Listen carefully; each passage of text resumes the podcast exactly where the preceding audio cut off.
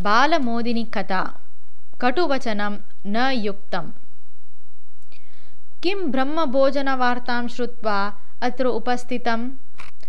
विनाश्रमं भोजनस्वीकारः पापाय इति किं भवान् न जानाति?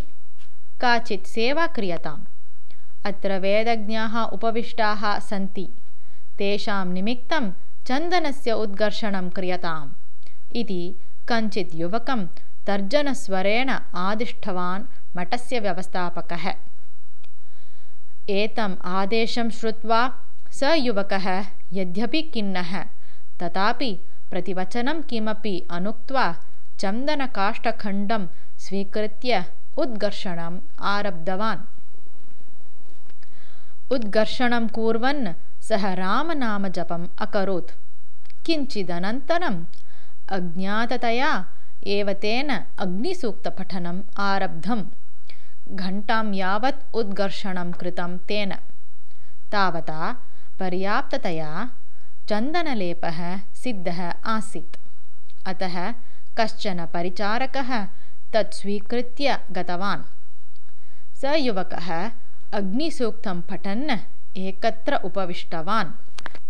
वेदज्ञाः मस्तकं शरीरं च चन्दनेन लिप्तवन्तः। अनन्तरक्षणे एव तेषां देहे महान् तापः आरब्धः। तापम् असहमानाः ते नितरां कष्टम् अनुभूतवन्तः। व्यवस्थापकः एतद् दृष्ट्वा प्रवृत्तं किं स्यात् इति ऊहितवान्।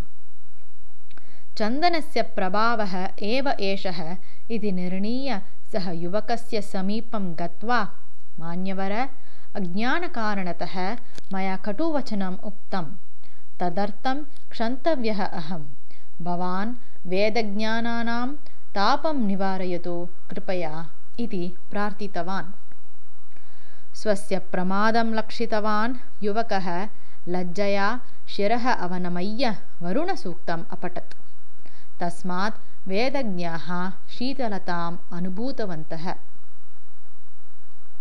तथा ब्रह्मभोजनकार्यक्रमः निर्विघ्नं परिसमाप्तः।